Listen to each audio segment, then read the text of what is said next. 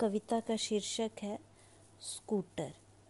मैंने देखा था बचपन से मेरे पापा के पास था एक स्कूटर। हल्के हरे रंग का सुंदर सा बजाज कंपनी का था वो स्कूटर। खूब सवारी करते थे हम सब।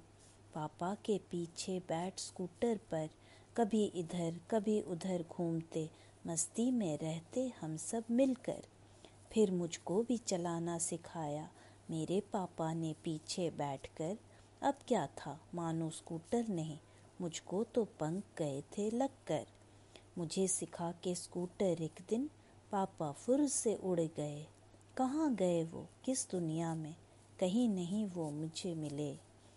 पंख मुझे दे गए, पर अब मुझे इतना उड़ना अच्छा नहीं लगता। पापा नहीं है स्कूटर पे चलना। बहुत सोना सोना अब है लगता। अब भी है वो हल्के हरे रंग का। पापा का वो बजाज स्कूटर। मर्सिडीज से भी प्यारा मुझको। मेरे पापा का वो स्कूटर। धन्यवाद। मेरा नाम डॉक्टर शिखा तेजस्वी ध्वनि।